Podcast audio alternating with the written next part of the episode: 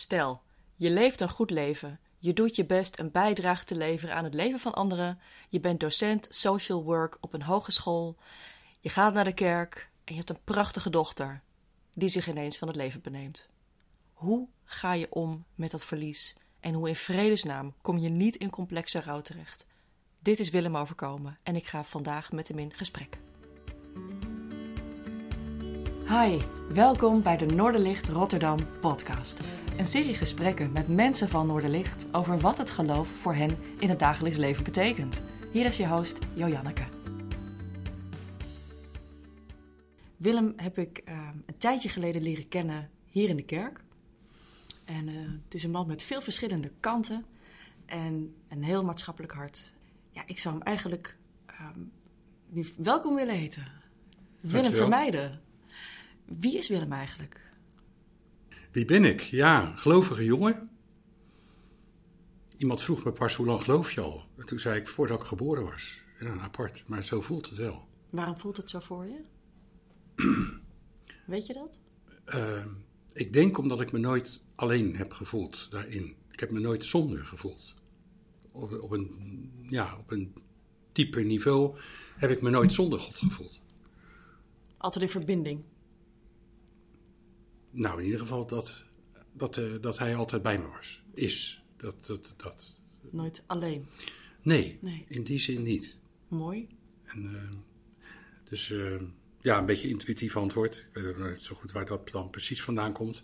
Maar ik ben een gelovige man. En ehm, ik ben een man van de relatie en van verbinding. Ik vind het mooi om aspecten waar ik mee bezig ben, of dat nou werk is of privé, met elkaar te verbinden. Daar word ik gelukkig van. Ook mensen met elkaar te verbinden, ook heel mooi. Um, en uh, ja, zoals je al zei, ik ben uh, sociaal. Ik zoek het erg in het relationele, in het emotionele, gevoelsmatige. En dat, uh, dat is een beetje mijn domein. En dan, staan, en dan staan de ramen open naar andere mensen in alles wat je doet ja. in je leven en in je werk en hier in de kerk. Dat rijmt. Ja. Bij Noorderlicht. Daar heb je een speciale rol gekregen een tijdje geleden. Wat is daar gebeurd voor jou hier? Nou, ja, mijn vader was vertegenwoordiger vroeger. En als ik echt ergens achter sta, dan ga ik ook iets vertegenwoordigen, merk ik. Dan, als ik er warm voor loop, dan... Uh, ben je de ambassadeur? Dan gaat dat wel mee. Dan, ja, dan, dan pak ik het op of zo. En dan vind ik het ook mooi om dat, dat rond te bezuinen en mee aan de slag te gaan. En zo is het ook eigenlijk een beetje bij Noorderlicht gegaan. Hoe ben je hier binnenkomen lopen? Ik was, uh, via een vriendin was ik wat uh, verdwaald in, uh, zo noem ik het maar, in de, in de kerkconventie in Krooswijk, Pinkstergemeente. Daar heb ik niet zoveel achtergrond mee. Maar ik, ik vind dat wat iets te veel halleluja. Terwijl ja, ik ben niet voor niks vlies- en rouwbegeleider. Ik ben ook, uh, ik, ben ook uh, uh, ik vind lijden vind ik een belangrijk aspect in het leven. Dat fascineert me ook heel erg. En dat heb ik zelf ook voldoende tot nu toe moeten doen. En, ehm, maar je was dus op zoek naar een kerk? Ja, want ja. ik, ja, ik ben lang heb ik gekerkt in de Laurenskerk. Een tijd in de studentenkerk. Die is ter ziele gegaan, wegens te weinig studenten. Toen een lange tijd niks. En zo kwam ik weer in commissie terecht. Ik denk, hé, hey, nou, mooi, maar het voelt toch niet eigen. Dat is Mhm. toch wel mooi als het eigen voelt. En uh, toen was er opeens een gastvoorganger, Henk Rothuizen. En die had uh, een preek over lijden. Omdat zijn vrouw was drie maanden daarvoor overleden. En ik zat op het puntje van mijn stoel. En ik ben na de dienst naar hem toe gegaan. Heb iets verteld over mijn eigen verhaal. En dat raakte hem afspraak gemaakt om te lunchen. En toen vroeg hij aan mij. Uh, hij dacht dat ik lid was van uh, commissie. Hij vroeg wat ik daar deed. Zei: Nou, kom niet verder dan op bezoek. Dus uh, toen zei hij: Waarom ga je naar het Noorderlicht? en ja, ik was al een keer Noorwegen geweest, maar dat bedoelde hij niet. En ik had er echt nog nooit van gehoord. Die zondag kwam ik. En wat wel heel leuk was, is. Um, commissie een uitgebreide band, harde muziek. En nou, dat vind ik lastig als daar een dienst mee begint. heb ik eerder het gevoel dat ik me moet beschermen dan dat ik me open kan stellen. En ik kwam hier binnen en er stond een jongen met een akoestische gitaar en een meisje met een dwarsfluit. Nou, maar ik voelde, ik ben ook zeer gevoelig, dus ik pikte ook wat van de sfeer op, vond ik mooi. Dus ik deed gelijk mijn jas uit. Dat vind ik ook wel een mooi teken, want die had ik normaliter altijd aangehouden in de kerk. Dus, uh, je had die uh, bescherming niet nodig. Nee, precies. Mooi. Dus ik voelde me eigenlijk direct uh, thuis. En ja, en toen kennis gemaakt met Niels.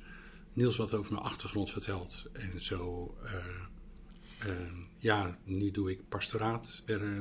doe ik pastoraat, omdat het natuurlijk ook in het verlengde, verlengde ligt van mijn werk. En mijn andere bezigheden. En je bent ook voorgesteld een paar weken geleden in, op de, in de, tijdens de zondagdienst. Samen met een aantal andere ja. mensen van Noorderlicht. En voor wat voor rol is dat precies? Nee, dat was voor het pastoraat. Dat is voor het pastoraat. Ja, ja. ja precies. Mooi. Ja, want um, ja, ja, uh, ik en de luisteraars hebben nu ook iets gehoord over hoe je naar de wereld kijkt. Dat je een empathische man bent, sociaal betrokken. Uh, maar ook dat je weet wat lijden is. En Ja. dat je eh, met rouw en verlies iets hebt, eh, ook wel iets groots hebt. Eh, mag ik je vragen wat eh, verlies in jouw leven voor rol speelt? Ja, nou, ik vind dat sowieso wel mooi om daarover te vertellen. En eh, om daar ook wat taboes in te doorbreken. Ehm, en verlies ook te zien in de ruimere betekenis. Verlies gaat veel verder dan overlijden. Ja, wat is er gebeurd? Nou, ehm, ik, kom, ik kom uit een eh, problematisch gezin. Met eh, een vader en moeder die eh, een winkel hadden. En mijn vader verlamd vlak na mijn geboorte. MS. Dus dat was heel erg moeilijk. Toch die winkel in, was zijn levenswerk. Dus Wat was het voor winkel? delicatessenwinkel in Delfshaven. Dus in het gezin ging ook veel ten koste van de winkel. Als je het nou over affectie hebt, gevoel, emotie. Er is niet, niet veel ruimte voor. Ja, mijn ouders hebben gewoon, ja, ik vind altijd, ze hebben zichzelf doodgewerkt. Ze hebben zo hard gewerkt om dat allemaal staande te houden. Dat ik heb mijn ouders op relatief jonge leeftijd eh, verloren. Mijn vader toen ik 17 was en mijn moeder toen ik 20 was Dat is jong, hè? beide aan kanker met, een, ja, met echt een verschrikkelijk proces, allemaal thuis afgespeeld. Dus mijn vader woog nog 28 kilo toen hij stierf. Ja, en, eh, dus ik had op mijn 21ste had ik eigenlijk al het gevoel dat ik een leven van een 50-jarige achter de rug had. En eh, nou, ik vertelde net over Henk Rothuizen. Soms komen er van die mensen op je pad die dan engelen zijn, die dan je in een soort richting, hè, in een soort richting Een duwtje eh, geven. eh, precies. Een richting, je richting laten zien Hmm. die dan ook bij je past. En ik kreeg op deze manier kreeg ik eigenlijk mijn eerste leermeester op mijn pad. Is Ada Wolfius. Is een therapeute die ik via een vriendin ontmoette. Toen ik haar ontmoette was ze al 65, had een eigen therapeutische gemeenschap. En eh, nou, Ada was een engel, want die, eh, daardoor kon ik me opnieuw hechten. Een heel belangrijk figuur voor mij geweest. Eh, Daardoor ook bij mijn gevoel gekomen. De eerste vier jaar heb ik nodig gehad om zelf op de been te komen. De eerste vier jaar. van- Met Ada, bij Ja. In de therapeutische gemeenschap. Tweede vier jaar heb ik een opleiding bij haar gevolgd. En toen eigenlijk twee jaar afgebouwd. Dus ik ben al met al tien jaar eigenlijk heel intensief. eh, In de leer geweest. ja, Ja. en met vooral ook bij haar, maar ook bij mezelf. Ja. Ja. En Ada was ook een gelovige vrouw. Dus de, de pijn die eruit ging. En s'avonds bijbellezing, dan kwam er eh, ruimte eh, voor Jezus. Ja, want Zo- in deze pijnlijke eh, ge- gebeurtenis, of bij het verwerken van deze pijnlijke gebeurtenissen, heeft de Bijbel dus voor jou een hele grote rol ook gespeeld. Nou, meer op de achtergrond. Ja? Ja, ja, want ik, vond het wel heel mooi, die Bijbel. maar- Mhm. Maar ik had ook een leeftijd, weet je, 21, 25. Dan is ook, ja, weliswaar van gereformeerde huizen. Maar eh, thuis ging het geloof toch niet verder dan verboden en geboden. Mhm. Ja, op zondag niet voetballen, op zondag geen geld uitgeven en dat soort regels. Dus ehm, ehm, mijn geloofsverdieping, die kwam wat later. Maar ehm, ja, desalniettemin voelde ik wel eh, eh, dat, de, bij wijze van spreken, dat, dat, Ada, dat, dat, Ada was een afgezant van, een engel, weet je wel. Dus ik, ik bracht haar ook heel erg in verband met het geloof. Gewoon qua spiritualiteit, qua het goede doen, het goede hart. En daarmee ook echt een vertegenwoordiger van God voor mij. Het missen van iemand is ehm, soms niet een kwestie van de tijd hield alle wonden. Nee. Nee. Eh, hoe is dat voor jou? Ehm, nou, ik was, ehm, als je het dan over mijn ouders hebt, ik was natuurlijk wat jong. En dat, dat is toch, en ik heb natuurlijk ook mijn ouders, eh, weliswaar bij mijn vader ging de ziekte kanker heel snel, bij mijn moeder een lang proces. Dus ehm, ook wat aanzien komen. En ondanks dat, dood van je ouders ligt toch in de natuurlijke gang van zaken. Nou, de gang van zaken die Het het is de volgorde in het leven. Ja, Laat maar zo gaan. Ja. klopt. Dus ik heb dat. Ik heb natuurlijk wel heel veel gehuild erom en alles wat ik had meegemaakt. Veel verdriet om gehad. Maar ik ben daar ook, ja, ik ben daar ook goed uitgekomen. En, eh, maar goed, toen, ja, toen moest eigenlijk het ergste nog gebeuren. Dus eh, wel mooi om daar iets over te vertellen. Eh, ik heb een dochter gekregen, mijn 27e, ik heel blij mee ben, Merel.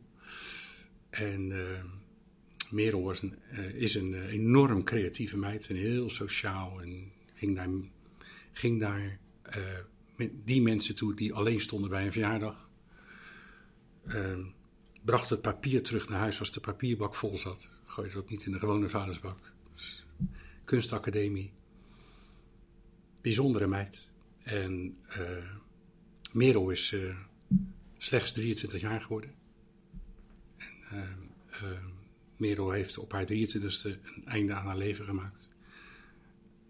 Het speelde al langer, maar het laatste jaar van haar leven, toen ze op de kunstacademie zat, is ze in zo'n negatieve spiraal terechtgekomen, die zo snel naar beneden ging. Wat eigenlijk voor niemand bij te houden was, voor haar zelf ook niet. Het is haar zelf ook overkomen. Ja, natuurlijk. eh, Weet je wat de aanleiding was dat ze in die spiraal terecht kwam? Ja, uiteindelijk is denk ik, eh, toen het uitging met haar vriend, dat is een trigger geweest. Ja, ja. Maar als ik nu, herken ik ook punten dat het al eerder speelde dan het laatste jaar. Ik, eh, drie maanden voor haar HAVO-diploma niks gedaan, waar ik vreselijk van schrok. Dus, nou, bij mij gekomen wonen, een heel strak schema, heeft ze net de HAVO gehaald. En achteraf gezien dacht ik, ja, toen kon je al niet meer concentreren. Toen was de focus er al niet meer. Dus, ehm, ehm, maar Merel ja, deed zich ook altijd van haar beste kant voor. Hm? Dus eh, dat eh Parma zich geen zorgen hoefde te maken.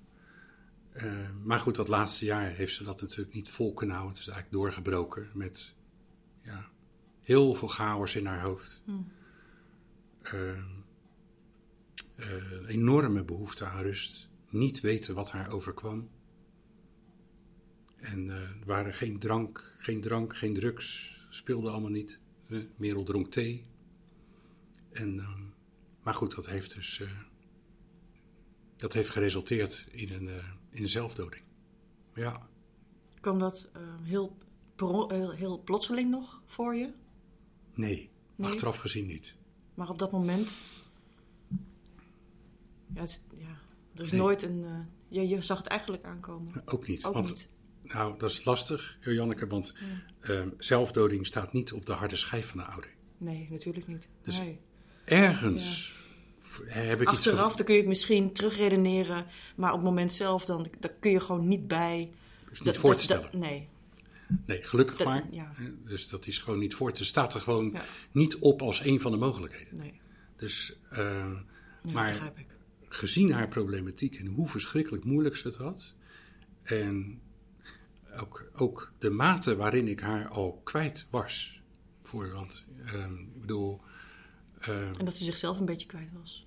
ook dat. Ja. Maar als Merel vroeger met eh, mijn huiskamer in kwam lopen, dan voelde ik direct waar ze zat. En dan, nou, soms was het even moeilijk, en even zitten, traan laten, en dan kon ze ook weer verder. Weet je wel? Dus, Maar je hebt dat contact gewoon met je kind, als je van je kind houdt. Maar ik was het laatste half jaar, was uh, uh, Merels innerlijk al vreemd voor mij geworden. Had ik niet meer het contact met. Ik zag wel dat Merel was, maar ik was er al kwijt. En dat zorgde ook voor een enorme machteloosheid. Mm. Behalve dan dat ik mijn kind ook niet kon helpen. Ondanks dat ik therapeut was en maatschappelijk werker. En dat maakt het misschien wel extra pittig. Als je eigenlijk voor je werk een soort van maatschappelijke rol ook hebt in het leven van anderen. En andere mensen daar ook in kunt opleiden. Um, dat je dan bij, je, bij jezelf ook merkt: uh, ik, ik, ik kan eigenlijk mijn allerdierbaarste persoon niet helpen. Ja, dat maakte mij vooral klein en nederig. Ja. Ja. Ja. ja. En bedoel, uh, ik heb al sinds zes jaar bestaat er een lotgenotengroep. En ik heb een eigen praktijk uh, geopend, rouwgesprekken.nl. Ik heb vroeger ook 3,5 jaar een eigen praktijk gehad in de Kastalt. Maar uh, nu een eigen praktijk met vlies en rouw.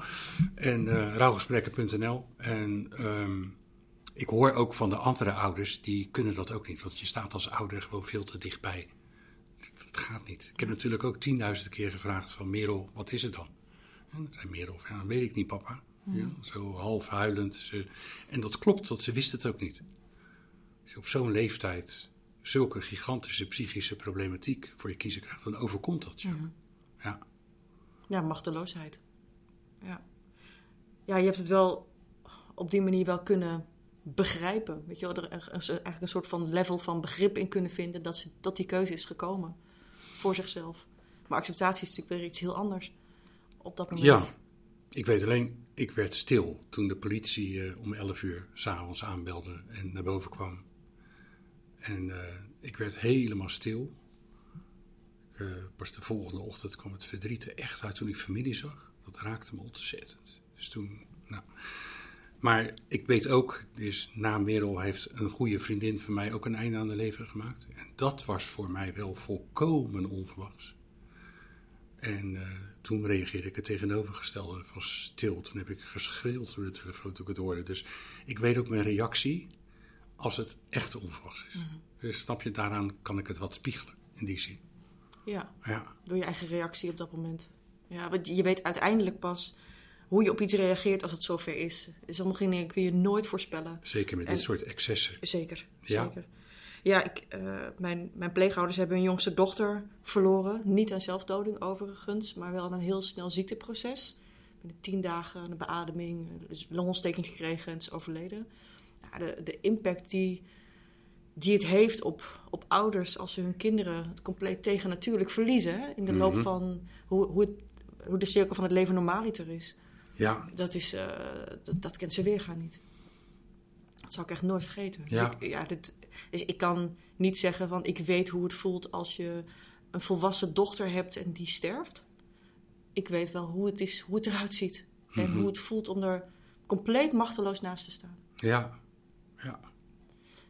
Ja, ja verdriet en weer iets in hoop opbouwen bestaan uh, naast elkaar in het leven van, naast, van nabestaanden. Uh, je vertelde net dat je een lotgenotengroep bent gestart. Mm En uh, rouwgesprekken.nl. En dat je daarin ook uh, jouw ervaringen en ook verbinding, wat ook een beetje een van de, jouw kernwoorden in je leven is, ook doorgeeft aan anderen. Zodat zij ook weer verder kunnen komen. Um, hoe ben je daarmee begonnen en, en hoe is dat uitgegroeid? Ja, dat was ook zo mondig. Um, nou, ik had na het overlijden van mijn ouders, toen kwam ik uh, bij het Algemeen Maatschappelijk Werk terecht. Toen was ik maatschappelijk werker. En toen, uh, toen kon ik al alle mensen die met vlies- en rouwvragen kwamen, die kwamen bij mij terecht, want die kon Willem zo goed helpen. Maar toen was ik meer onbewust bekwaam. Ik wist niet zo goed wat ik deed, maar ik kon ze wel, ik had wel hele goede gesprekken. Ik kon mensen inderdaad ook wat verder helpen. Na Merel ben ik echt de vlies- en rouwwereld ingedoken, alles los en vast gelezen over vlies en rouw opleiding gevolgd van twee jaar in Amersfoort. En um, uh, dus nu vlies- en rouwbegeleider, dus nu voel ik me meer bewust bekwaam. En ik liep al een beetje rond met dat plan. Ik heb hele goede vrienden in Ierland wonen. Een land waar ik eh, heel graag kom, net als jij. weet ik inmiddels. Ja, dat uh, klopt. Ja. en uh, Nou, ik had wat vage plannen van, goh, ik moet hier iets toch mee doen. En toen kwam ik binnen en toen had Marieke, die had een video van mij van een vrouw die uh, de graven verzorgt op Père Lachaise in Parijs. En toen dacht ik, hé, hey, die zou ik mooi in een groep kunnen gebruiken. Terwijl er nog helemaal geen groep was. Nou, dus ik dat hardop gezegd die avond. Om een lang verhaal kort te maken. We hebben zeven dagen lang, hebben ze zeven avonden en nachten ongeveer met mij rond de tafel gezeten, website gemaakt. Peter zei de tweede dag toen we door de bergen uh, liepen van, heb je al een naam voor je praktijk? Ik zei, nee joh, ik ben er helemaal niet aan toe. Hij zei, nou, waar denk je aan? Ik zei, nou, rouwgesprekken.nl. Hij zei, dan gaan we die vastleggen. Ik zei, oké, mooi. Voor later, zei hij. Toen de volgende dag moesten zij werken. Dus ik heb op de achterkant van mijn ticket teksten geschreven. Peter diezelfde avond de website gemaakt, ik de teksten erin gezet. En dat is zo vijf avonden doorgegaan. En ik ging naar huis met een website, met een praktijk en visitekaartjes. Die toen ook maar gelijk heb laten drukken. Ja, tussen aanhalingstekens voor later werd de dag later. Ja, dus dat, is nou, de, de, nou uh, we hadden de geest, dat is de uitdrukking, maar die was er ook. Want dat ging in zo'n roots. En ik was zo dankbaar dat zij ook meegingen in de stroom waar ik in zat. En, uh, dat is echt heel bijzonder gegaan. Het diende zich aan. Ja, ja, mooi. Nou, toen kwam de pers op mijn uh, NRC en Algemeen Dagblad. Die kwamen op mijn pad, want je moet natuurlijk ook wat mensen uh, ook bekendmaken wat mensen moeten zich ook kunnen aandienen. Mhm. En zodoende is de lotgenotengroep gestart. Open groep die tot op de dag van vandaag uh, bestaat. En, en wat voor vorm heeft die, die groep? Ja, het is een groep voor ouders die een kind hebben verloren. En dan is niet de oorzaak belangrijk. Maar het verlies. Ja, en vooral de ouders moeten verder. Ja. Precies. Ja. Dus de, dat is eigenlijk het, de, de insteek. Mm. En, uh, ja, mooi. Ik, uh, ik heb zelf, zelf ook zo'n uh, zo'n rijtje boeken over rouw en verlies thuis. En een van die boeken, die las ik ook ehm, omdat ik ook meer wilde begrijpen van hoe mijn pleegouders dat hebben ervaren destijds. En dat boek heet, is geschreven door een docent die zijn zoon is verloren. En het heet En huilen doe je maar in de pauze. Ja. Want op een gegeven moment komt het moment dat je weer aan de slag moet. Ja. Dat je weer aan het werk gaat, of Ja. wilt, of moet. Ehm, de eerste werkdag dient zich dan weer aan. Ja. Ja, ik moet daaraan denken, omdat jij zelf ook docent bent. Op een gegeven moment moet je weer de boer op, eh, voor een klas staan, Ja. mensen vertellen hoe het zit. Of mensen laten, zelf laten ontdekken hoe het voor hen zit. Ja. Hoe doe je dat? Hoe heb jij dat gedaan? Hoe heb je dat ervaren? Ja, dat, is allemaal, dat was wel heel apart. Ik kwam Merel is in mei overleden, 2012. Dus ik was al drie maanden thuis voordat ik weer naar school ging. Nou, ik had die tijd nooit willen missen. Dat is echt heel goed geweest thuis. Klinkt gek, maar ik zat in een soort hele veilige driehoek van mijn huis, Merels huis en de begraafplaats. Ik woon in Krooswijk. Nou, die liggen allemaal binnen 400 meter van elkaar vandaan. Dus ik, ja, dus dat, ik had ook, er werd ook iets voor me gecreëerd wat heel veel veiligheid in zich had. Dus ik heb, die, ik heb eh, eh, die drie maanden was natuurlijk ontzettend verdrietig, pijloos verdriet. Ehm, maar ik heb het ook goed, ja, goed gehad als ik nu terugkijk. Dat klinkt gek, maar dat is wel zo. Toen moest ik naar school, ik zal nooit vergeten, ik kwam daar 1 september aan en hebben een opening met iedereen. En toen vroeg de directeur om voor mij te applaudisseren dat ik er weer was. Dat, was, Trok je dat? nou, dat was echt een heel lastig moment. Wauw, ja. dat ik, ik was nou, laat maar zeggen, het was ook niet helemaal gepast om dan applaus eh, Nee. te krijgen. Dat is lastig. Wat wel heel bijzonder was, dat ik het eerste jaar, eh, het eerste jaar werd tegen me gezegd van je bent, eh, eh, je mag koffie drinken, je mag dingen oppakken, we laten het helemaal aan jou. Nou, dat was natuurlijk fantastisch. Mooi. Dan kun je het heel organisch oppakken zoals het zich aandiende en wat je zelf trok en wat je wilde. We hadden een studiereizen en we kwamen nog één stad tekort. Dus ik dacht, daar stap ik in, dat wordt Dublin. Dublin werkte niet mee, Cork werkte wel mee. Oh, dus dat werd leuk. Cork. Ja. Oh, wat goed. En ik gaf, dat was onderdeel van een lesprogramma. Dus ik gaf een beetje les en ik zou meegaan met die studiereis. Maar er was ook een parallelklas waar studenten zich op konden geven voor Cork. Dus daarvan ken ik een aantal studenten niet die wel meegingen. Ik liep in rond. En toen was er een meid die best alternatief gekleed was, die opviel. En daar liep ik naast. Ik zei, ja, ik woon in Krooswijk. Ik zei, oh, ja, en dat en dat zijn mijn vrienden. Ik ook vrienden van Merel te zijn. Dus ik zei de tweede dag tegen haar, maar uh, dan ken jij Merel. Dat kan niet anders. Ze zei, ja, ik was de bovenbuurvrouw van Merel. En ik heb uh, u de spullen buiten zien zetten uit haar huis. Toen in de stromende regen. Dus... Nou, dan krijg je kippenvel. Merel was mee. Ja, ja. Dus ik, we hebben veel opgetrokken die week. Leuke ja. meid. En herinneringen opgehaald. En, uh, dus dat was zo bijzonder. Ja, Heel bijzonder, is, uh, omdat dat ook eigenlijk gekoppeld werd in je, in je werk. Ja. Met de mensen om je heen. En op ja. een locatie waar je even los was van Rotterdam. En dan Mooi dat het samenkomt. Zoveel, tussen aanhalingstekens, toevallen meegemaakt. Mm. Maar er gebeuren gewoon hele bijzondere dingen op dat kruispunt van leven en dood. Ja. Waar je als nabestaande op komt te staan. Als een dierbare komt te overlijden. En dan ja. hele bijzondere uh, zaken die bij elkaar komen. Dus je voelt je uh, dus ook nog nu goed verbonden met Merel. Klopt dat? Hoe bedoel je? Voel je je verbonden met, met Merel uh, op momenten als jij bijvoorbeeld zo iemand tegenkomt? Of als Ja. je, dat het voor toevalligheden die misschien geen toevalligheden zijn? Of Ja, eh, maar nou, meer de- met haar verbonden? Hoe is dat voor jou? nou, ik merk, dat is wel bijzonder, ik merk Merel is in mij gaan leven. Hmm. Dus ik neem haar eigenlijk altijd mee. En natuurlijk, het gemis blijft, maar het, het verdriet, daar is veel in veranderd. Ehm, ehm, maar Merel is gewoon bij me. Is een, ja, Merel leeft in mij. En daar ben ik wel heel dankbaar voor. Dat gevoel. Ja, ik kan dat niet zo goed beschrijven, maar dat is wel. eh, het is natuurlijk, ik bedoel, zo'n ramp die vindt buiten je plaats. En de kunst is om, om dat dat ehm, eigen wordt. Dat dat dichterbij mag komen. En dat het eigenlijk onderdeel van je leven gaat worden. Zodat kan leven met dat gemis. Ja, het groeit leven met je mee. het verlies. Ja, het groeit dat met je de mee. Het is, het is niet iets wat je, Ja. wat, je- wat je verwerkt of dat je overheen komt. Het is Nee. gewoon wat je integreert in je leven. Nou, en ik bedoel, Ja. dat heb ik niet gedaan, want als ik ook terugkijk, dan heb ik me ontzettend gedragen gevoeld in de, in de, in die jaren, tot op de dag van vandaag. En, en eh, halverwege tegemoet gekomen op die weg, die eh, dat rouwproces heet, door Jezus.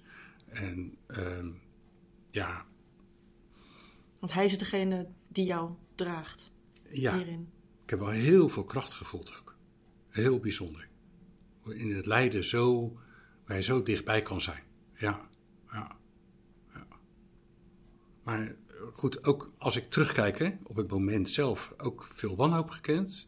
Eh, tuurlijk, en heel veel verdriet. eh, maar geen verlorenheid. Nooit verloren gevoel gehad. Toch ook altijd kracht ervaren. Kracht, verbinding, Ja. gedragen, Ja, ja geïntegreerd, tegemoet gekomen. dichtbij. Ook, Mooi. ja. Eh, welke rol speelt, speelt wijsheid voor jou daarin? Je innerlijke wijsheid. Mijn innerlijke wijsheid. Ja, dat hoor ik mensen zeggen. Maar dat vind ik altijd lastig. om- Maar ik weet niet of ik dat heb. Nou, mi- misschien dat dat Ja, eh, het, het rouwproces en Ja. de uitnodiging die het leven eh, daarin voor je, voor je heeft gesteld, eh, je uitnodigt en ook uitdaagt om ja, je innerlijke wijsheid te raadplegen van hoe moet ik hier doorheen? ja. Nou ja, in ieder geval vooral met de dag leven. Hè? Dat, zoals, ehm, en vooral wat ik een heel mooi woord vind, is meebewegen met wat er is. En wat wordt er nou van mij gevraagd in deze situatie? Ik kan ook zeggen, als gelovig man, niet mijn wil geschieden, maar uw wil geschieden. Dus hoe kan ik aansluiten bij in dat verdriet, in, in wat er is? Dus dat noem ik meebewegen. Ja, mooi. Je kan ook, ik bedoel, je kan ook de confrontatie uit de weg gaan en eh, ehm, het ontkennen of eh, heel, veel, heel veel zorgen, voor heel veel afleiding zorgen. En dat heb ik niet gedaan. Ik had er ook een ontzettende hang naar om mezelf ermee te confronteren. Om er één mee te zijn. Ja, Ja. ja, Ehm, ik, ik sprak eh, Niels vorige week en wij hadden een gesprek over. want Ik deelde ook iets met hem. En eh, ik zei: Gut Niels, ehm, ik zie wel een groot verschil tussen ehm, je, je overgeven, dus overgave en opgeven. Voor sommige mensen eh, is dat bijna hetzelfde. Voor mij is Ja. het een wereld van verschil. Ja, Als je- voor mij ook. Ja, dus als je voelt van eh, ik word uitgedaagd in het leven of uitgenodigd, zo probeer ik het eerder te zien, zodat het makkelijker is om die stap te zetten om er één mee te zijn. Ja, Ehm, als je uitgedaagd wordt, zou ik toch maar zeggen, eh, omdat je in een lastige situatie zit, of omdat je een, een enorm verlies leidt, of omdat je afscheid van iets of iemand moet nemen, of iets, iets van die orde, dan kun je of ehm, het gevoel hebben van, nou, ik, ik, ik weet niet of ik dit wel kan dragen en ik, ik geef het op, want ik weet het niet meer. mhm, Of radeloos voelen of wanhopig voelen. Mhm. Eh, en een, een klein, ja, een subtiel nuanceverschil is dat je denkt: van, Nou, ik geef me eraan over dat ik het nu niet in mijn eentje kan. En ik geef het ook voor een stukje aan Jezus of aan de Heilige Geest of aan God of allemaal. ja, ja. En een broer. Weet je wel, omdat je denkt: ik, ik kan het niet in mijn eentje. En ik, ik accepteer dat ik me dus overgeef, ja, zodat zich aandient wat er nodig is. ja. Ja, precies. Ik denk dat het zo ook werkt. Ik heb ook heel veel rust erin gevonden. Iemand vroeg aan mij van later van, van Noorderlicht, die vroeg, ja, maar wat is dat dan? Halverwege tegemoet komen dat je je gedragen voelt. En toen vroeg iemand twee, toen had ik eigenlijk niet zo'n goed antwoord. Twee maanden later had, stelde iemand dezelfde vraag, maar in andere bewoordingen. En toen had ik wel het antwoord. Toen zei ik, eh, God huilde met me mee. Dat was het gevoel. Dus ik was niet alleen in mijn verdriet. Wat ik zo mooi vind nu je dit zo zegt, dat is dat eh, je eigenlijk de, je, je empathische aard die je zelf hebt, dus ook van, van God uit terug ervoer. Ja, ja, ja. Ja, Dat valt me echt op. maar ja, wij en God staan niet zo ver weg van elkaar. Ik hoop het niet. Nee, dat is goed. is. We zijn Ja, buren. ja. Ja, ja, ik, ja wat ik ook eh, vrij vind, want soms ehm, spreek je mensen of lees je verhalen of eh, zie je mensen die eh, een groot verlies lijden en Mhm. die belanden in een complexe rouw, waarin ze zich nooit meer met een ander kunnen verbinden, waarin ze het lastig vinden om zich kwetsbaar op te stellen. Ehm, en het verhaal door blijven herhalen in dezelfde. En, het- en dat het verhaal zich niet door evolueert, maar dat ze vast blijven zitten. Hè? Dus complexe rouw. Ja, Voor jou is het een heel bekend fenomeen, omdat je ook eh, in rouw- en verlieswerk eh, Mhm. professioneel actief bent. mhm. Jij bent niet in complexe rouw verzand. nee. Dus ehm, ik denk dat dat met zingeving te maken heeft. Hè, dat, wat, wat, hoe kijk je naar het leven? Dat, eh, ik had met mijn opleiding had ik eh, college van eh, professor De Keizer, dat is een hele bekende man op en rouwgebied, hoogleraar. En die zei, dat was zo mooi, die zei, ehm, als je een kind, het ging het hele weekend over kindverlies, dus ik kreeg hem goed voor de kiezen. En die zei, als je, als je een kind verloren hebt, dan moet je een verhaal hebben waar dat in past. Ook al denk je, wij spreken, dat je kind door ufo's is meegenomen, of weet ik veel wat, al geloof je dat, dan kan je verder. Ik bedoel, voor Maar- jezelf of voor de buitenwereld? Of Voor jezelf. Ja. Dus als je met dat verhaal waar je het verliezen van je kind in moet passen, dat noem ik dan zingeving. Weet je wel? Dus, dus wat is nou jouw verhaal van het leven? Hoe kan je, daar, hoe kan je dat, ja, ehm, ehm, wat geloof je nou? Wat er, wat er met je kind is en waar je kind is ook. En wat er nou gebeurd is. En, ehm, Heeft dat voor jou ehm, eh, handen en voeten gekregen? Is dat voor jou duidelijk geworden wat jouw persoonlijke verhaal daarin is? Met het, in het kader van het verlies van Merel? Nou, in, in die zin, ik denk, ehm, ik denk dat God. ehm, God heeft nooit gewild dat Merel een einde aan de leven eh, heeft gemaakt. Dat kan niet. Maar ik denk dat ze nu wel echt in zijn armen rust. Hè? Dus, eh, ik hoorde een keer van, eh, ik hoorde een, keer van, een, eh, van een voorganger. Die, die had gezegd van ja, tegen ouders van. maar ben je dan niet bang dat je kind in de hel terecht is gekomen? Het kind had ook een einde aan de leven gemaakt. Toen zei diegene nee, want daar komt ze net vandaan. Nou, dat is ook precies, De bevrijding, hè? dat is ook precies wat het is. Ja. Dus, en God vangt mensen op die uit de hel komen. hè. Die, eh, Soms kunnen dingen zelf- ook gewoon te zwaar zijn om te dragen. zo is dat. Blijkbaar. Ja, En ja, dus maar ehm, mijn geloof is, zit ook in hoe ik het leven ervaar. Want ik sta met veel verwondering in het leven. Ik vind het leven nooit vanzelfsprekend. De bomen, de vogels en het water. En eh, eh, ik bedoel, dat, dat ik hier 70 of 80 jaar deel van uit mag maken, dat vind ik al een mysterie op zichzelf. En, ehm, en alles kan gebeuren in het leven. Maar wat er ook gebeurt, daar wil ik het leven niet voor loslaten. Terwijl kindverlies, dat speelt zich wel af aan de raafvoorranden. Zo noem ik dat maar, hè, van het leven. De uiteinde, Zo kunnen we het zeggen. Aan de raafvoorranden. Ehm, Tegelijkertijd ben ik erg van doordrongen dat ook alles kan gebeuren in het leven. Dus dat, eh, eh, dat heeft nooit gespeeld voor mij met mijn verhaal van uh, het christelijk geloof, als volger van Jezus van Nazareth. En hoe ik, naar het, hoe ik het leven ervaar en hoe ik er naar kijk, nou, heeft voor mij nooit gespeeld om, uh, om, om het, het, gevoel te hebben dat ik hier niet uit zou komen. Mm. Maar Mooi. hoe dierbaar Merom ook is. En mensen, zeiden, mensen zeiden wel, vroeg altijd twee handen op één buik. Wel? Dat is ook mijn maatje. Dus, uh, ja, dus je bent, je bent meer dan alleen een dochter verloren. Ja. Ja, ja precies. Ja. Uh, het klinkt misschien als een beetje een rare sidetrack. Ja, doe maar. Maar uh, ja, ik ben er nou toch. een paar jaar geleden had ik, uh, had ik een, een virus. Ik was, en ik, daardoor droogde ik binnen 24 uur uit.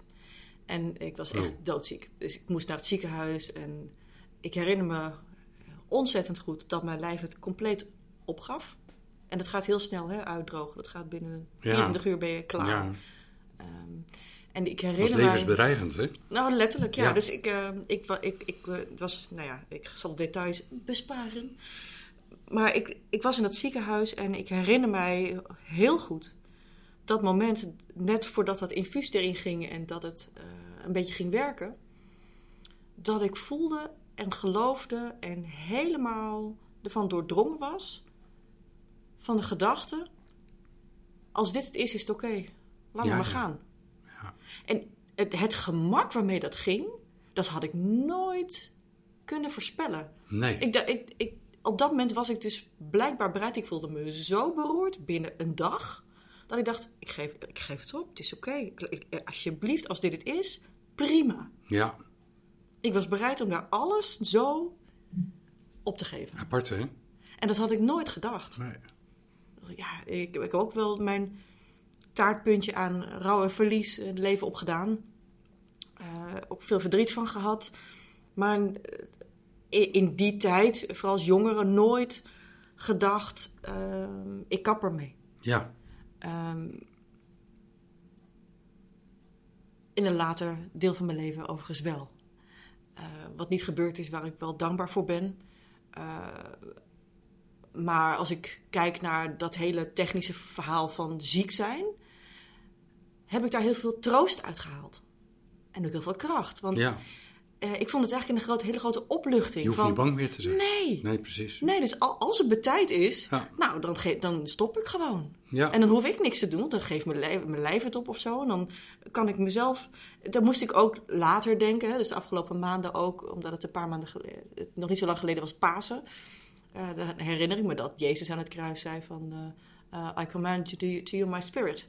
Dus hij geeft zijn geest over en hij mm-hmm. stierf. En toen dacht ik, oh ja, nee, dat kan.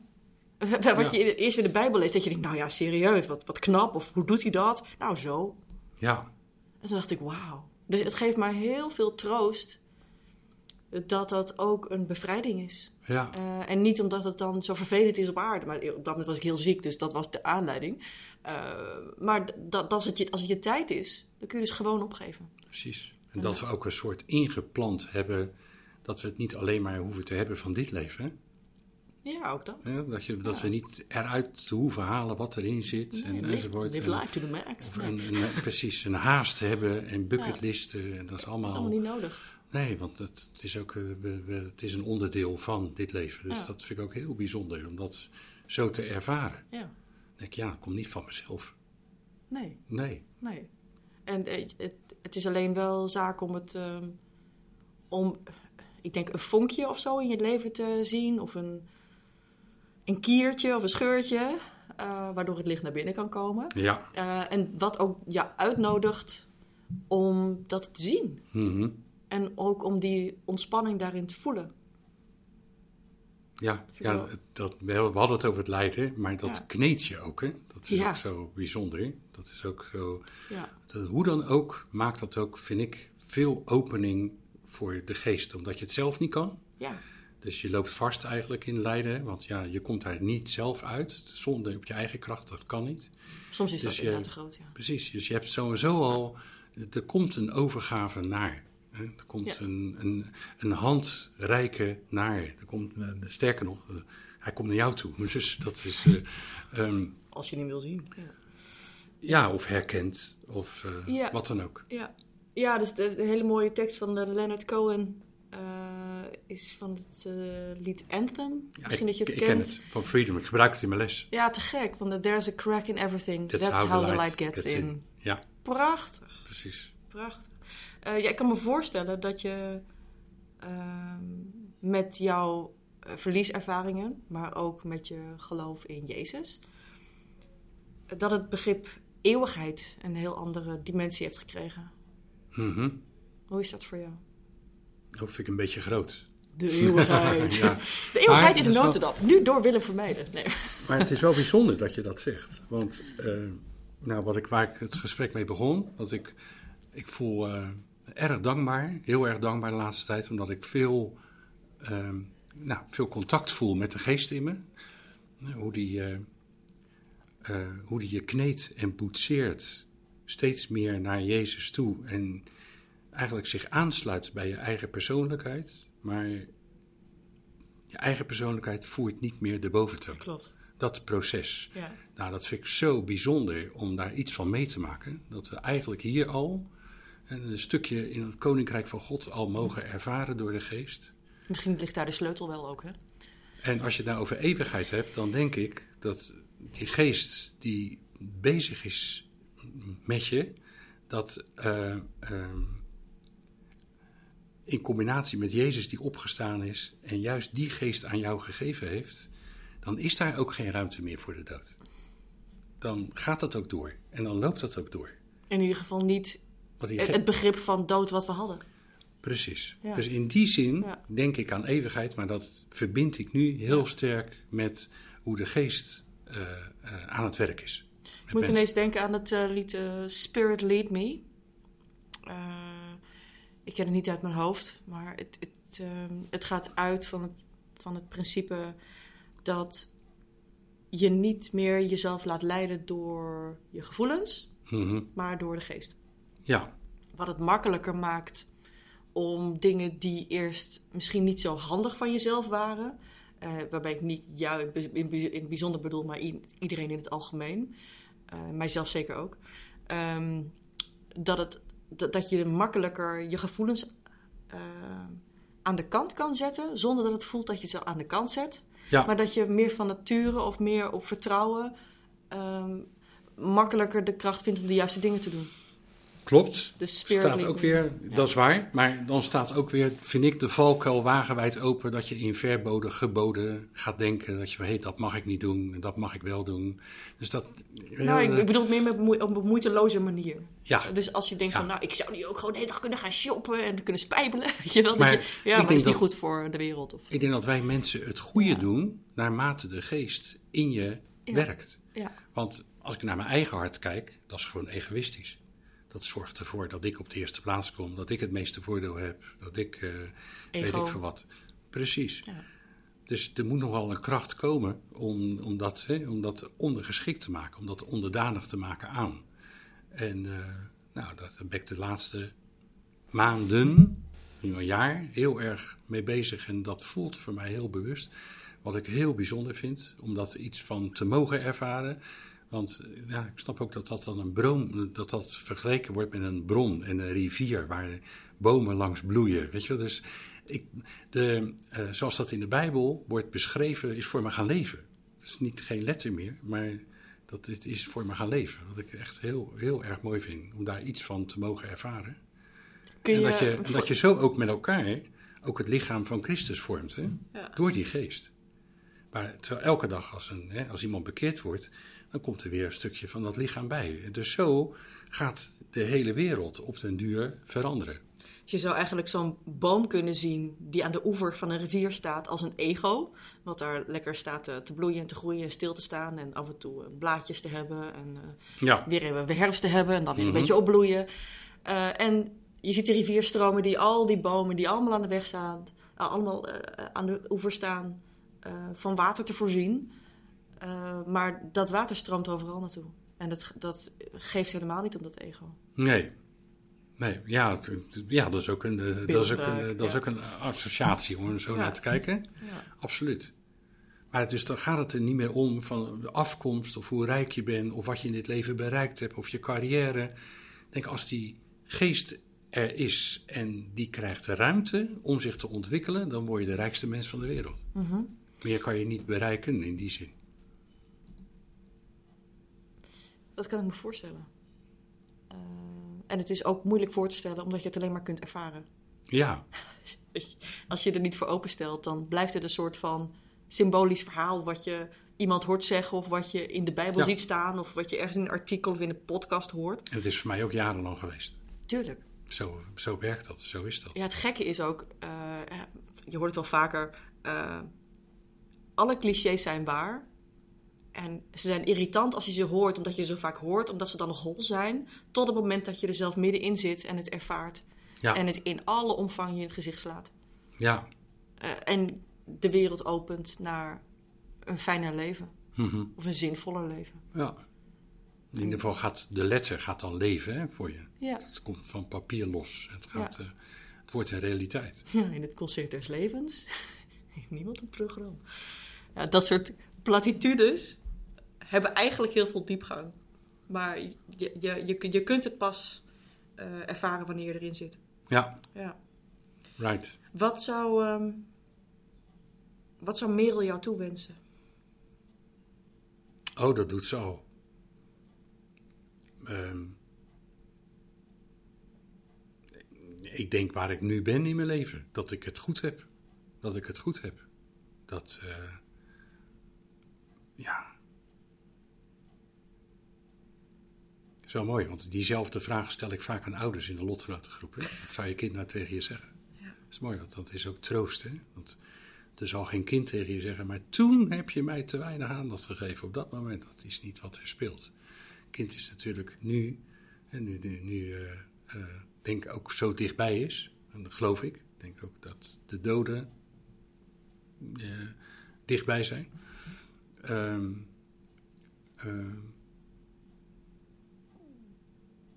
ja, dat hij dat eigenlijk het, het, het beste voor je wensen.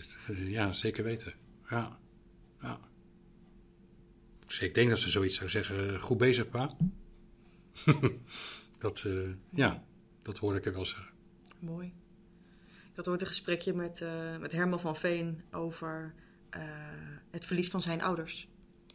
Eh, ik, ik sprak voor het eerst was ik 19 jaar en ik was een heel gestreste puber. Mhm. Eh, net vijf jaar wees. Hart onder mijn ziel, mijn ziel om mijn arm. Eh, Complex, verdrietig. Kon mezelf nog niet zo goed laten zien. En hij zei, god meid, wat is er met jou aan de hand? Want je kan niet uitademen. En toen vertelde ik, nou, ik ben mijn ouders verloren. En zei hij, oh ja, god, het is wel heel vervelend en dit en dat. Nou, probeer maar uit te ademen. Jaren later sprak ik hem weer. Ik was toen 29. Dat is tien jaar later. En ehm, toen zei hij... eh, we hebben elkaar eerder gesproken over, over verlies. Ik zei, ja, over mijn ouders. Hij zegt, ja. Hij zegt, ik weet niet meer wat ik toen zei. Ik zei, nou, ik zei, je zei dat ik moest leren uitademen omdat ik eh, daarin vast zat. Of... Hij zei, zei ik dat echt? Dat, dat, dat was toch een beetje een klungel. Want ik ben nu mijn ouders kwijtgeraakt en de wereld, de aarde slaat onder mijn voeten weg. Terwijl ik gewoon 60 ben. Ja, Dus Ja. het, hij zegt, het is zo ontzettend anders dan wat ik had kunnen voorspellen. En hij zegt, voor mij is het, probeer ik het te zien of voel ik het. Mhm. Voel ik hun aanwezigheid. Dus ik weet dat ze weg zijn, maar ze zijn ook weer niet weg. En iedere dag denk ik aan ze. Hij zegt, ik schuil soms af en toe bij de C en A. omdat mijn moeder daar altijd heen ging. Dus als ik dit niet meer trek, dan schuil ik bij de CNA. Ja, mooi. Eh, ja, prachtig vond ik dat. En eh, hij zei dus eigenlijk voel ik het als een soort... Het, het- de wereld, het universum, de hemel. Eigenlijk als een omniversum. Ja, ja, Heel dichtbij en heel ver weg. precies. En dat vond ik een hele mooie. En dat, dat, ik haal dat aan omdat het omdat dat eh, bij me opkwam bij het horen van hoe jij dit, dit nu ervaart en hoe dichtbij je Ja. merel ook voelt Ja. in jou. Ja, er zijn natuurlijk ook heel veel misverstanden over vriezen en rouwen, zoals wij in de samenleving ermee naar kijken en mee omgaan. En, eh, hebben het over een rouwproces. Nou, dat, dat, dat mag maar eh, eh, een paar maanden duren, hè? hooguit een jaar, als dus geboortedatum, sterfdatum geweest is. En eh, de vier seizoenen en alle feestdagen. Ehm, terwijl wat, hoe het werkt voor mensen, is dat het, elk vlies is een onderdeel van je biografie. Dus je geeft je, aan vliezen je hele leven lang betekenis. Je ontwikkelt jezelf erdoor. En het komt de cirkel steeds weer terug in je leven op verschillende momenten. Precies. Ja, Maar ja, er zijn mensen die na drie jaar nog een helbij hebben en dan denken: Oh, ik heb het niet verwerkt. Ik had er al vanaf moeten zijn. Dat is echt. wat mensen Dat, eigenlijk zichzelf daarmee aandoen is Ja. eh, heel verdrietig. Dat zijn aannames die helemaal niet kloppen. Nee. Bijvoorbeeld, ehm, je hebt ook die eh, eh, ehm, stadia van rouw waar Elisabeth Kubler-Ross mee kwam. Hè? Dus Ja, over, eh, fases. precies, over die fases. Maar, maar nou dat loopt- niet in fases. Nee, helemaal niet. Dat is één grote mismes, pan met macaroni. Waar je af en toe eh, het ene uitpakt en dan weer het andere uitpakt. En, eh, Rouw heeft allerlei verschillende dimensies. Ja, Die tegelijkertijd achter elkaar, bovenop elkaar, ja. voor elkaar, onder elkaar kunnen spelen. Dus dat, ja. Dus, je hebt wel de rauwe rouw, denk ik. Die eerste maanden van... eh, De brute die, rouw. eh, eh, ja, die, eh, die eh, eh, emotionele achtbaan waar je in komt te zitten. En dat, ja, Ehm, het geldt voor, voor mij, voor vele anderen. Ik ben benieuwd hoe, hoe het voor jou is. Als je soms iets anders meemaakt wat pijnlijk is en wat ergens in de verte lijkt op een soort van verlies wat je met Merel hebt meegemaakt of met je ouders hebt meegemaakt. ehm, maakt dat dan ook echt iets wat van die oerpijn los? Ja, of is heb- dat dan iets nieuws voor je? Nou, wat ik je verteld heb, ik heb een hele goede vriendin verloren. Die eh, ehm, een paar jaar geleden, waar ik ontzettend van schrok. Eh, iets ouder dan Merel, maar had wel dezelfde. eh, het, is een, het is een nicht van mijn vriend in Ierland. Die ik ook in Ierland ontmoet heb, maar die bleek te studeren bij mij op school. Dus ik zag haar ook op school. Dus over verbinding gesproken. Leuke meid. Ehm, ik kwam in dezelfde rouw als Merel terecht. Ik twijfelde zelfs of ik naar de crematie kon. Zo slecht voelde ik me. En dat, hield, dat betekende eigenlijk... s ochtends om 9 uur naar school en om 11 uur weer naar huis. Dat ik geen concentratie, voelde me, voelde me slecht op de verkeerde plek. En toen ben ik gaan bidden. En, eh, want ik kwam daar zelf niet uit. En toen kreeg ik eigenlijk door de zin van je bent haar vader niet. Want ik had, eh, laat maar zeggen, ik had eh, de jaren dat ik haar gekend heb, liep ik de deur uit op school en dan keek ik altijd even op het muurtje of ze daar zat. Ze zat daar vaak een sigaretje te roken. Dus ik had heel veel zorg voor haar. Hè, omdat er ook dingen speelden, psychisch. Ik had altijd heel veel zorg voor haar. En eh, dus er was toch een, ook een soort vaderrol gegroeid. En toen ik eenmaal dat door had en dat kon doorvoelen dat ik niet haar vader was, toen kwam het Meer in balans. in de juiste vorm, zou je kunnen zeggen, precies in de juiste hoeveelheid, rauw, in balans inderdaad, in evenwicht. En eh, toen kwam ik ook uit die bubbel, toen kon ik ook naar de, eh, naar de crematie toe. Ja, ja, dat, eh, ja maar ehm, het is bij mij wel, ik kan, het, ik kan op de een of andere manier, ik weet niet hoe ik dat doe, maar ik kan, dit was wel uitzonderlijk, omdat ik wel zaken heel goed kan scheiden. Dus ik word ook niet zo gauw getriggerd. Ja. Maar dat was het dus wel. Nu wel. Ja. Ja, Ja. nu heel sterk. Het, het, eh, ja. Ja, eh, ze- soms kunnen de kleine dingen gebeuren die helemaal niet een, echt een inhoudelijk of een praktische link hebben met datgene waar je in essentie in het verleden zoveel verdriet om hebt gehad. Of zoveel moeite mee hebt gehad. eh, je in het algemeen. Ehm, maar als dan iets gebeurt wat dan toch weer triggert, dan kan het weer Ja, dat verdriet zo in, in alle, nou niet in, in, in, in alle grootsheid, maar wel in de kern raken. Precies. Het is een soort van, als je bij de tandarts zit en je, raakt iets, dan voel je ineens zenuwpijn. Weet je wel? Dan Ja. zit het ineens, dan, en dan behel- be- behelst het eventjes alles. ja, Niet lang, maar wel even. ja. Ja, ja. Het kan soms heel oncomfortabel zijn. Maar Dus ik vind lijden, vind ik eigenlijk, ik, ben ook, ik voel me er ook niet zwaar onder. Ik ben eigenlijk een heel blij mens. Want ik vind lijden vind ik een deel van het leven. En dat heb ik ook zo aangenomen. ja, het gaat- gaat hand in hand. Ja, Ja. het is voor mij echt een onderdeel van het leven. Het is, daar zit geen taboe voor mij of iets van eh, dat ik gelukkig moet zijn of dat zou er niet bij moeten. Het is er en dat heb ik eigenlijk ook wat omarmd. Het, het, het fascineert me ook. Dus het, eh, het heeft ook iets moois gekregen, ondanks de pijn die ermee eh, samenhangt. Dus het, heeft voor mij niet zo'n enorme lading, niet zo'n enorme zwaarte. Of ik, ik, eh, ja, ik zucht er niet onder, in die zin. Het woord taboe viel even. Ja, Ehm, gelukkig is er, eh, nou het is natuurlijk heel triest dat, dat, dat het inderdaad nog ongeveer 2000 keer per jaar gebeurt in Nederland. Hè, dat iemand zichzelf, eh, jongeren zichzelf van het leven beneemt. Mhm. Ehm, er, er was heel lang een heel groot taboe op. Dat is nu eh, minder aan het worden. Ook door de campagnes van 113. Ja. Social media zie je meer die verhalen ehm, de, eh, gedeeld worden. euthanasie, Euthanasie wat ook. meer openheid Zeker, gekregen. zeker. Maar gelukkig is het ook het taboe op mensen die bijvoorbeeld niet ziek zijn. Dus niet een fysieke ziekte hebben, maar ook last van, van, van psychische eh, Ja. gesteldheid hebben. Ehm, is dat taboe minder. Eh, het is minder aan het worden. Wat, wat, hoe ervaar jij dat taboe op zelfdoding in Nederland op dit moment? En wat zou je mensen willen gunnen? Nou, dat is een wat te grote vraag. Hoe ik het ervaar in Nederland, dat zou ik zo 1, 2, 3 niet weten. Ik weet wel, en dat is eigenlijk logisch, mensen schrikken ervan als ik, eh, als ik ga vertellen. Of ik, hè, eh, als ik iets, iets eh, vertel.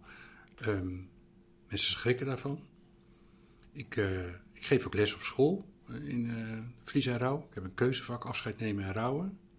En het vraagt ook van mij om mijn verhaal te vertellen aan studenten, omdat het ook geen gewoon onderwerp is. hè. Dus, eh, en die schrikken veel minder. Hè. Het zijn ook allemaal mensen die in een leeftijd zitten waarin ze psychisch ook moeilijk gehad hebben. Hè. Ook die, die puberteit, na die puberteit, wat zo, die hormonen maar goed vallen. En hè, dat is vaak zo'n klassieke leeftijd waarop het ook mis kan gaan met jonge mensen. Zij hebben daar ook dichtbij gezeten. Hè. Het gaat- valt al goed, maar ook veel ook in de penarie gezeten en lastige gedachten enzovoort. Mm. Ik denk wel, eh, eh, ja, het taboe is sowieso al minder. Hè? Als je nagaat, als je nagaat dat ongeveer 150 jaar geleden, tussen 150 en 200 jaar geleden, kregen gezinnen die, eh, waar een kind was overleden door zelfdoding, kregen een boete van de overheid. Dus dat is nog maar 200 jaar geleden. Dat is ongelooflijk. Hè? Nou, hoeveel generaties zijn dat? Dus als je, het nou, als je het nou over taboe hebt, Ja. dan is dat natuurlijk wel enorm. Hè? En mensen mochten ook niet in de buurt van de kerk begraven worden. En eh, kwamen echt een eind daar vandaan te liggen, hadden de grootste zonde begaan die je kon indenken. En ik zal, ik zal nooit zeggen dat ik het normaal vind. Maar het mag, eh, ik vind mag er zijn. Ik vind het taboe, vind ik, dat het bespreekbaar gemaakt mag worden. Ja. Dat het niet... ehm, eh, Weggemoffeld. ja, mensen zeggen soms wat dat ik er gemakkelijk tussen aanhalingstekens over praat. Maar dan heeft dan ermee te maken dat ik er geen schuldgevoel bij ervaar. Of dat het, dat het voor mij in die zin er mag zijn. ehm, dat zowel Merel als ik niks verkeerds hebben gedaan. Maar normaal zal ik het nooit vinden. Nee. Terwijl, ik bedoel, waar hebben we het over? hè? Het is ook zo groot. Zo ontzettend groot. Ja, in verschillende interviews die, die eh, we lezen in de media over nabestaanden van, zelf, van mensen die eh, zelfdoding hebben Mhm. eh, gekozen, eh, hoor je vaak van ja, ik, voel, ik heb zo'n schuldgevoel. En ik voel me zo niet alleen machteloos, maar ook gewoon schuldig van ha- had ik niet dit kunnen doen, had ik niet dat kunnen doen. Is dat magisch denken of is dat meer een, een logisch gevolg van dat rauwe verdriet? Ehm, heb je dit gevoel ook ooit gehad? Of? Ja, alle ouders. Van, de, van de, alle ouders die ik tot nu toe ontmoet heb, een lotgenotengroep. En ik heb honderden verhalen gehoord. Die, eh, eh, eh, die, hebben dat, die hebben dat natuurlijk allemaal. Omdat je, je gaat terugkijken en herinneringen worden herijkingen. Dat is een heel pijnlijk proces. Hè? Want normaliter, herinneringen. Als je bijvoorbeeld aan een vakantie hebt of weet ik veel wat. Of als je kind jong is, dan krijg je een glimlach op je gezicht. Maar als je kind overleden is, en zeker door suïcide, dan worden herinneringen herijkingen. Van hé, hey, wat is er dan misgegaan en wat heb ik fout gedaan? Er moet ergens een schuldige zijn of zo. Er moet ergens iets eh, tastbaars zijn.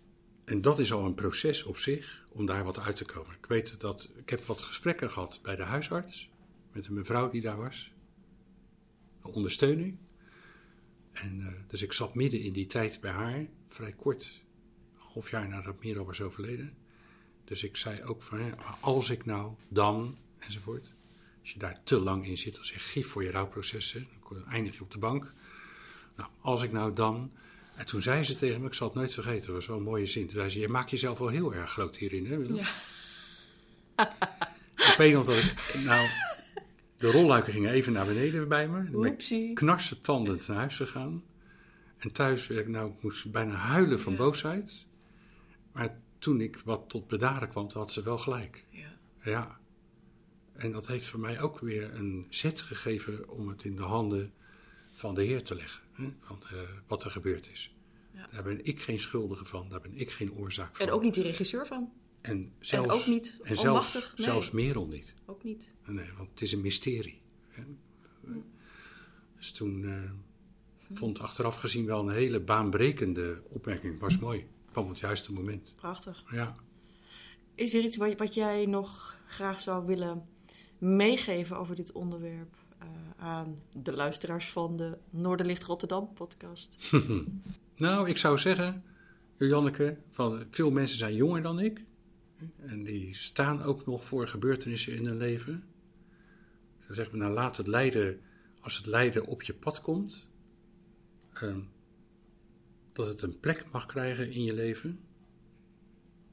En loop er niet voor weg. En besef dat Jezus dan juist heel dichtbij is. Ook al voel je het niet op dat moment, maar weet het in ieder geval. In deze context vind ik wel mooi om dit mee te geven. Mooi. Willem, dank je wel voor dit bijzondere gesprek. Graag gedaan. Ik heb wat van je geleerd. Hm. We hebben allebei iets gegeven. Eh dank je wel voor je inzichten en voor het delen van je ervaringen. Jij ook bedankt. Dank je voor het luisteren naar de Noorderlicht Rotterdam podcast. Je kunt de afleveringen onder andere beluisteren op noorderlichtrotterdam.nl. Heb je een vraag die je graag in de podcast beantwoord zou willen horen? Stel deze dan via e-mail op de website. Of fiets even langs bij de kerk en geef het door. Wie weet beantwoordt de volgende aflevering dan jouw vraag. Je bent van harte welkom. Tot de volgende keer.